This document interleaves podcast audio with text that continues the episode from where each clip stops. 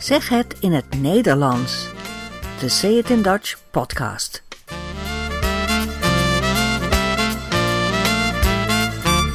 Nummer 32.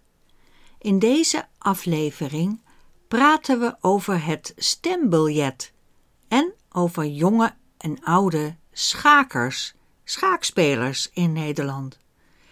Het mediafragment gaat over de corona-zelftest. Veel plezier bij deze 32e aflevering van Zeg het in het Nederlands. Afgelopen maand hadden we parlementsverkiezingen. Elke vier jaar moet er een nieuw parlement komen. En op 17 maart gingen we naar de stembus om dat nieuwe parlement te kiezen. Vanwege corona ging het deze keer een beetje anders. Oudere mensen mochten al op maandag of dinsdag komen stemmen en andere mensen gewoon op woensdag. En mensen boven de 70 jaar mochten per brief stemmen, schriftelijk, briefstemmen. Normaal was briefstemmen alleen voor mensen in het buitenland bedoeld, maar nu dus ook voor mensen in Nederland. Veel mensen klagen dat met schriftelijk stemmen makkelijker dingen fout kunnen gaan. Mensen kunnen makkelijker fraude plegen, zeggen ze. Er waren nu meer dan 1 miljoen briefstemmen, maar ik heb niet gelezen of gehoord dat er ook fraude mee gepleegd is. Er deden wel 37 verschillende partijen mee in deze verkiezingen. Dat is natuurlijk absurd voor een parlement waarin maar 150 mensen kunnen zitten. Dus de politiek is heel erg versplinterd. Er zijn allemaal kleine partijtjes met één of twee of drie zetels. Het stembiljet, dus het papier waarop je één vakje rood moest kleuren, dat was ongeveer zo groot als een tafelkleed. Je moest het helemaal uitvouwen en zoeken naar de partij die je wilde kiezen, het vakje rood inkleuren en dan het biljet weer helemaal opvouwen en in de stembus doen. Dat was wel grappig. Er zijn nu 17 verschillende partijen in de Kamer gekozen. De Tweede Kamer, het parlement. Sommigen hebben maar één zetel. De grootste partij heeft 35 zetels. Dat is de VVD.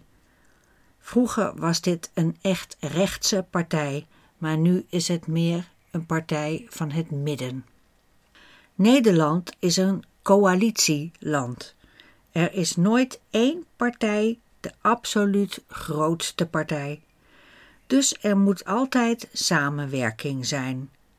De partij met de meeste zetels mag proberen een regering te vormen.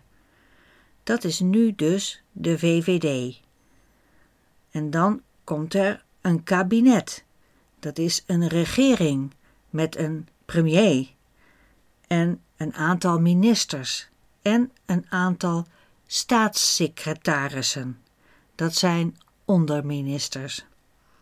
En samen schrijven ze een plan voor de komende vier jaar. Soms duurt het maanden of een jaar voordat er een nieuwe regering is. Misschien deze keer ook wel. Het is een ingewikkeld spel van macht en onderhandelen. Maar er zal niet zoveel veranderen in Nederland, denk ik. Dus ik hou mij er niet zoveel mee bezig. Daarom wil ik graag met jullie over iets anders praten. Over schaken. Het schaakspel. Schaken is al heel oud en wereldwijd bekend. Jullie weten natuurlijk ook wel wat schaken is, denk ik. En sinds oktober is er op Netflix een heel populaire serie te zien met de naam The Queen's Gambit. In het Nederlands het Dame Gambit. Deze serie heeft twee Golden Globes gewonnen. Het gaat over een jong weesmeisje van negen jaar die in het weeshuis leert schaken en daar heel goed in is. Maar ze heeft het niet makkelijk om een echte schaakster te worden. Het speelt in de jaren 60 en er komt zelfs een Nederlandse popsong uit die tijd in voor, van Shocking Blue. Dat vinden wij hier natuurlijk hartstikke leuk.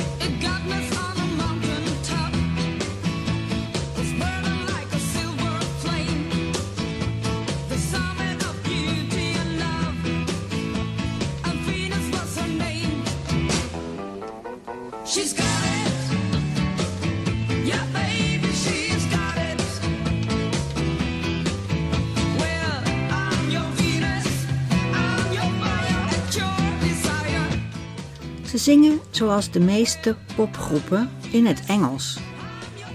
De zangeres van deze band, Mariska Veres, had in die tijd dikke zwarte strepen rondom haar ogen getekend, zoals het toen in de mode was.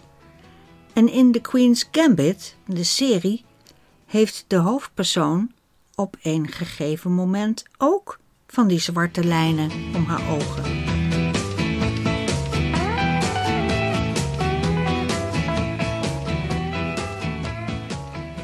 In Nederland hebben wij ook een aantal jonge schakers, meisjes en jongens, die heel belangrijke wedstrijden winnen. Er zijn in elk geval vier jonge meisjes, jonge meiden, die in de top spelen van het schaken. In december 2020 werd Eline Roebers wereldkampioen online schaken voor meisjes tot 14 jaar.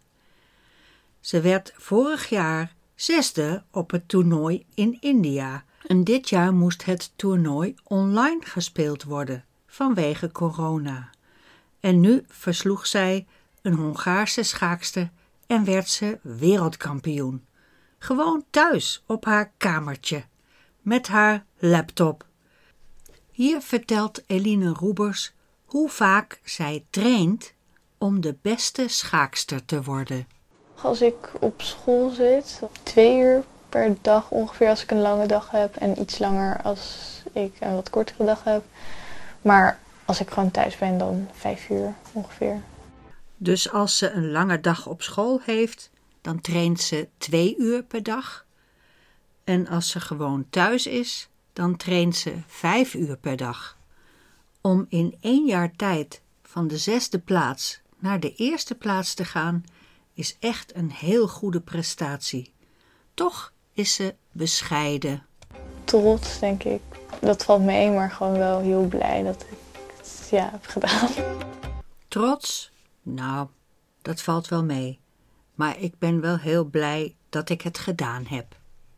Nou, Nederland is in elk geval wel trots op jou, Eline. 14 jaar, supergoed. Een ander succesvolle schaakster is Machteld van Voorreest, de grote concurrent van Eline Roebers. Machteld komt uit een echte schaakfamilie uit Groningen. Haar vijf broers schaken allemaal en zij en haar tweelingbroertje zijn de jongste in het gezin. Ze is dertien jaar nu. Haar oudste broer is Jorden van Voorreest. Hij is 21 jaar en hij is nu schaakgrootmeester. Hij won een paar jaar geleden al het Nederlands kampioenschap en dit jaar, in januari, won hij het grote Tata Steel toernooi, wat een geweldige prestatie is. Tata Steel is de naam van het toernooi dat vroeger Hoogovens heette. Het Hoogovens toernooi in Wijk aan Zee de eerste editie was in 1938. In januari van dit jaar werd dus de 83ste editie gespeeld. Jordan van Foreest wil natuurlijk graag wereldkampioen worden, maar zover is het nog niet. Over de familie van Foreest is een paar jaar geleden een leuke documentaire gemaakt. Een leuke film van nou, 45 minuten of zo.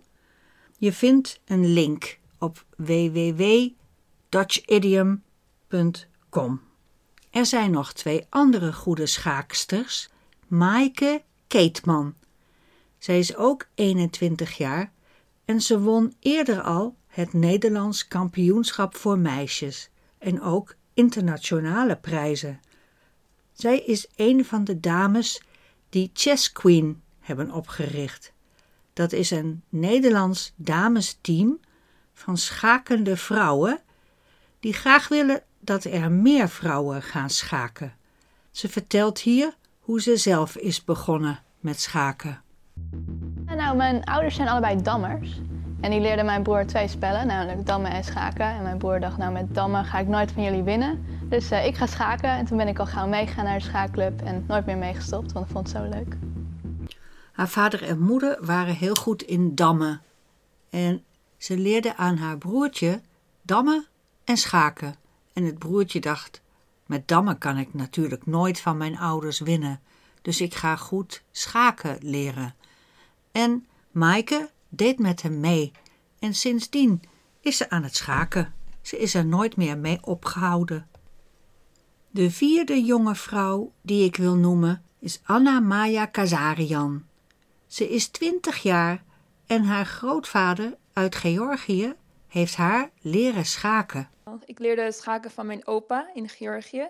En uh, ja, hij zag al snel dat ik er aanleg voor had, talent voor had.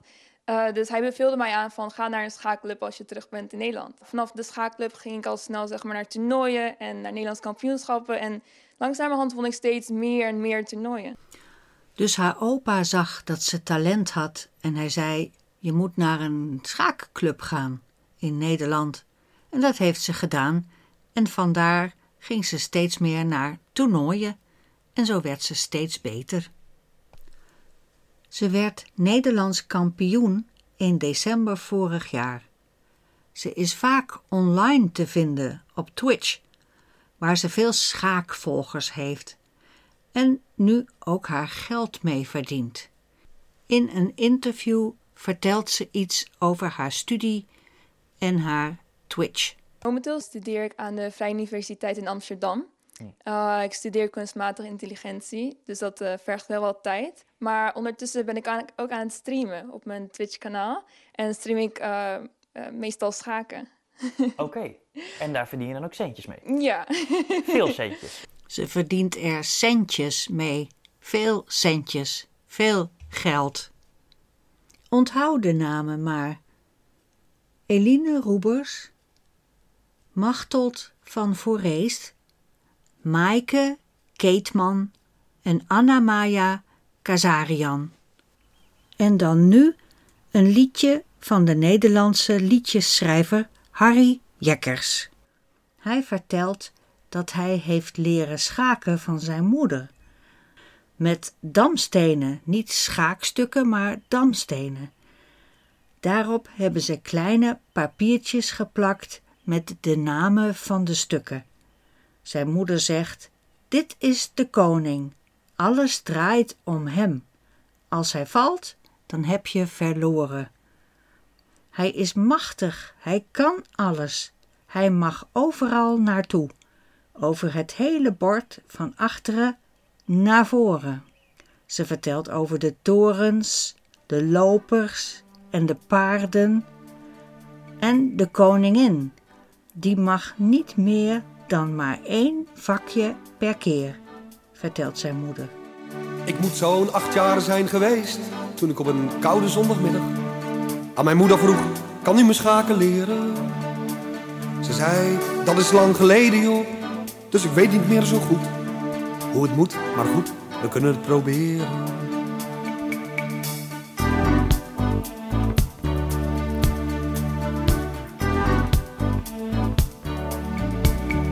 Dus ik pakte de zes spellendoos, nam er een dambord uit. Waarop je op de achterkant kon schaken. Maar de stukken, die zaten er niet bij. Mijn moeder zei, die zullen we dan zelf maar moeten maken. Ze knipte toen papiertjes uit en die gaf ze door aan mij. En zei er telkens bij wat ik erop moest schrijven. En toen we klaar waren, plakten we samen de namen van de stukken op de schijven. En ze zei, dit is de koning, alles draait om hem. Als hij valt, dan heb je het verloren. Hij is machtig, hij kan alles, hij mag overal naartoe. Over het hele bord, van achteren naar voren. Met de torens mag je recht, met de lopers enkel schuin. En die dingen kunnen springen, dat zijn paarden. En die koningin, die mag niet meer dan maar één vakje per keer. Het is eigenlijk een stuk van weinig waarde.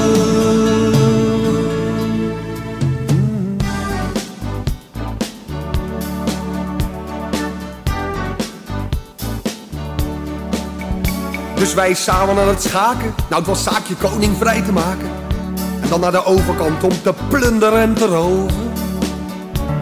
En die koningin stond wat lullig achterin. Die had in het hele spel zo goed als nooit verschoven. En ik moet zo'n 15 jaar geweest zijn toen ik logeerde bij een vriend. Die mij vroeg, Harry, partijtje schaken? Ik aan het rauzen met die koning. En die vriend die vroeg verbaasd. Hey, ga je lekker joh, dat kan je toch niet maken? En ik vroeg kwaad, hé, hey, wat doe ik dan verkeerd? Want toen ik klein was, heeft mijn moeder mij geleerd. Dit is de koning, alles draait om hem. Als hij valt, dan heb je het verloren. Hij is machtig, hij kan alles, hij mag overal naartoe. Over het hele bord, van achteren naar voren. En met de torens mag je recht, met de lopers enkel schuin. En die dingen kunnen springen, dat zijn paarden. En die koningin, die mag niet meer, dan maar één vakje per keer. Het is toch eigenlijk een stuk van weinig waarde.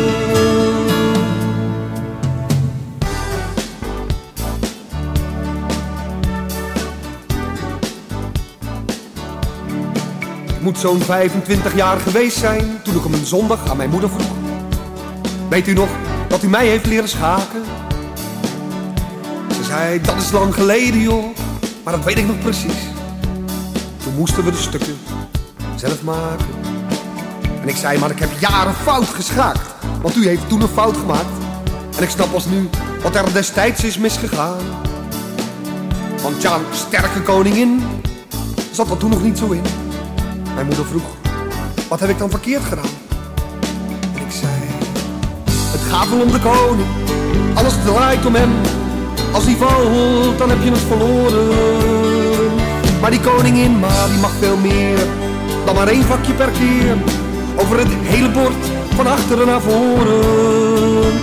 Zou het kunnen dat u toen die rollen omgedraaid heeft? Ja, omdat je daar destijds nog niet op lette. Toen zei ze een tijd lang niets. Stond ze op en zei, ik ga koffie zetten.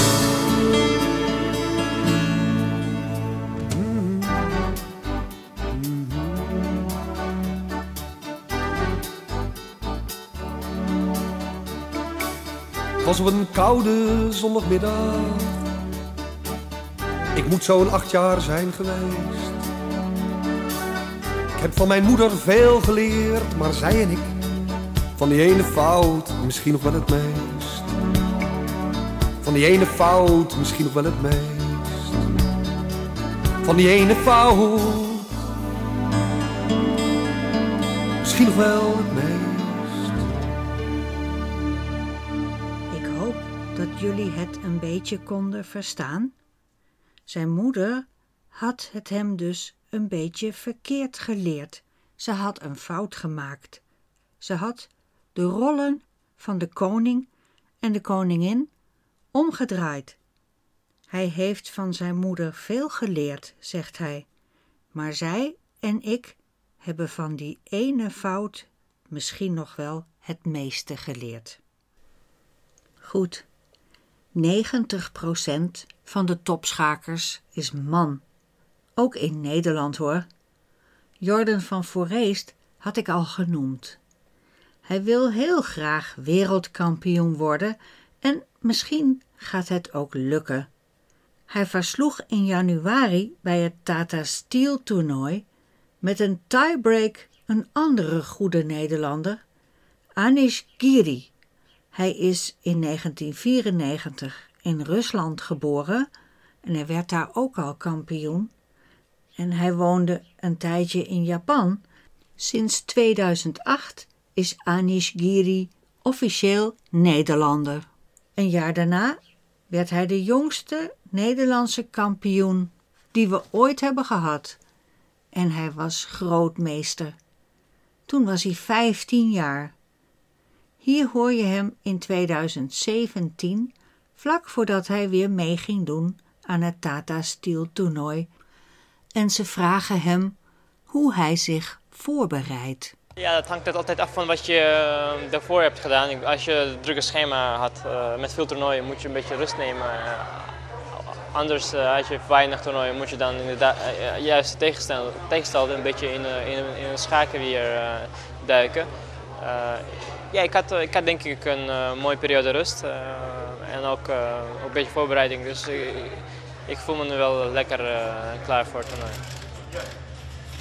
Hij voelde zich klaar voor het toernooi en hij eindigde toen op de achtste plaats. Hij is de beste Nederlandse schaker. Hij is met een Georgische schaakster getrouwd en samen hebben ze een zoontje van vijf, die vast ook al heel druk aan het schaken is, denk ik.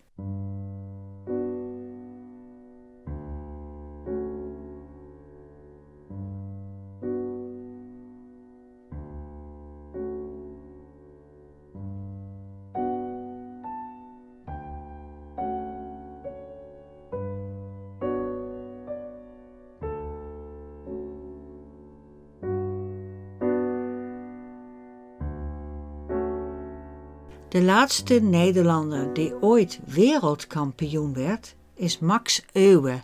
Dat was in de jaren 30, in 1935, dus dat is een lange tijd geleden. Toen hij wereldkampioen werd, kwamen er veel mensen naar Amsterdam om feest te vieren.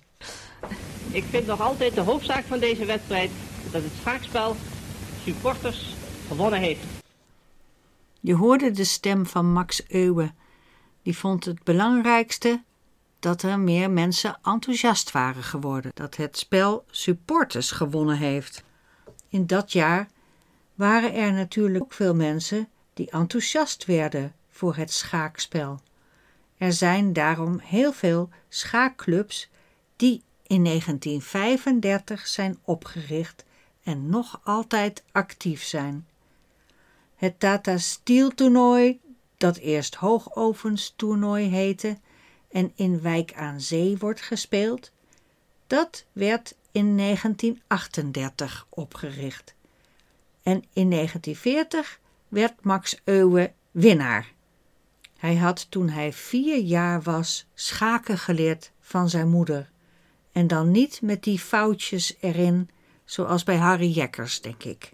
Max Euwe was wiskundeleraar en hij gebruikte dan ook de wiskunde, de mathematica en de logica in zijn spel om de juiste strategie te kiezen. Hij was geen beroepsschaker, hij was een amateurschaker. De enige amateurschaker die ooit wereldkampioen is geworden. Een van de matches in een tweekamp tegen de Rus Aljechin op 3 december 1935 was heel bijzonder en deze 26e match wordt nu de parel van Zandvoort genoemd. Het unieke aan deze match was dat Max Euwe van de 47 zetten 19 met hetzelfde paard deed. Dat gebeurde eigenlijk nooit en schaakliefhebbers, schaakfans, vonden het prachtig. Uiteindelijk won Max Euwe de wedstrijd na 30 matches, 30 partijen tegen Ajetsin. Max Euwe werd president van de Wereldschaakbond en vond het belangrijk om het schaken wereldwijd te promoten. Hij heeft veel boeken over het schaakspel geschreven. Er zijn in Nederland ook straten naar hem vernoemd, zoals in Arnhem, natuurlijk in Zandvoort en in zijn woonplaats Amsterdam, waar ook een Max Euwe Centrum is. Een tentoonstelling over Max en zijn werk. Een van de mensen die hij inspireerde was Jan Timman. Timman is nu ook een heel bekende schaker, Nederlands kampioen en internationaal grootmeester. Timman werd geboren 16 jaar nadat Euwe kampioen was geworden. Hij ging alle boeken van Euwe lezen en natuurlijk zelf spelen. Nu heeft Timman zelf ook weer veel schaakboeken geschreven. In 1985 won hij het Tata Steel toernooi als laatste Nederlander tot januari van dit jaar. Want nu is Jordan van Voorreest de laatste Nederlander die dit toernooi heeft gewonnen. Ik weet zeker dat Jordan weer de boeken van Timman heeft gelezen en misschien gaat hij er later ook weer boeken over schrijven. En zo houden ze de Nederlandse schaaktraditie in stand. Mooi hè? Kunt u dat herhalen? Kunt u dat herhalen? Kunt u dat herhalen? In deze rubriek laat ik iets horen wat op de radio of op de televisie is geweest. En daarna kunnen we erover praten. Het mediafragment van deze keer is een nieuwsitem over de sneltest. Dat is een test die in de supermarkt te koop zal zijn. En die test of je corona hebt of niet, of je besmet bent met corona of niet. Er zijn twee verschillende soorten tests en het verschil wordt uitgelegd. Eerst hoor je de introductie van de presentatoren. Ligt de corona-zelftest straks standaard in ieder badkamerkastje? Als het aan demissionair minister Hugo de Jonge ligt, wel.